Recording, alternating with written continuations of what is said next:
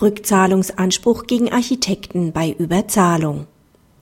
Vermutet der Auftraggeber eine Überzahlung des Architekten, kann er unmittelbar Klage auf Rückzahlung erheben. Eine Schlussrechnung durch den Architekten ist nicht notwendig. Ebenso wenig muss der Auftraggeber selbst eine Schlussrechnung erstellen. Der Auftraggeber beauftragt ein Ingenieurbüro mit Planungsleistungen für verschiedene Umbau- und Erweiterungsarbeiten an einem Altenheim. Die Ingenieure führen die Leistungen im Jahre 2000 aus. Ebenso stellen sie zwei Abschlagsrechnungen im Jahre 2000, die der Auftraggeber bezahlt. Die Bauarbeiten werden im Jahre 2002 abgeschlossen.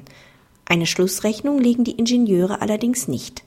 Nachdem es zu gewissen Streitigkeiten kommt, teilt der Auftraggeber den Ingenieuren mit, dass diese durch die Abschlagszahlungen überzahlt seien. Er fordert einen Teil des Honorars zurück. Dabei legt der Auftraggeber seiner Forderung eine überschlägige Prüfung gemäß den Vorschriften der HOAI zugrunde. Nachdem die Ingenieure eine Rückzahlung verweigern, erhebt der Auftraggeber im Jahre 2008 Klage. Die Architekten verteidigen sich mit der Einrede der Verjährung. Dem hält der Auftraggeber entgegen, dass die Verjährung mangels Vorlage einer prüffähigen Schlussrechnung noch gar nicht zu laufen begonnen habe. Das Oberlandesgericht weist die Klage wegen Verjährung ab. Die Rückzahlung überzahlter Honorarvorschüsse ist vertraglicher, nicht bereicherungsrechtlicher Natur. Denn die Ingenieure hatten die vertragliche Pflicht, über die Abschlagszahlungen abzurechnen und eventuelle Überzahlungen auszugleichen. Dieser Anspruch entstand nach 199 Absatz 1 Nummer 1 BGB am Schluss des Jahres, in dem der Anspruch entstanden ist. Dies ist hier der 31.12.2002, da die Bauarbeiten im Jahre 2002 beendet wurden.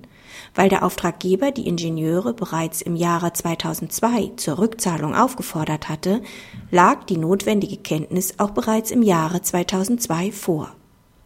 Praxishinweis das Oberlandesgericht weist explizit darauf hin, dass die Fälligkeit des Rückzahlungsanspruchs nicht von der Vorlage einer prüffähigen Schlussrechnung durch die Ingenieure abhängig ist.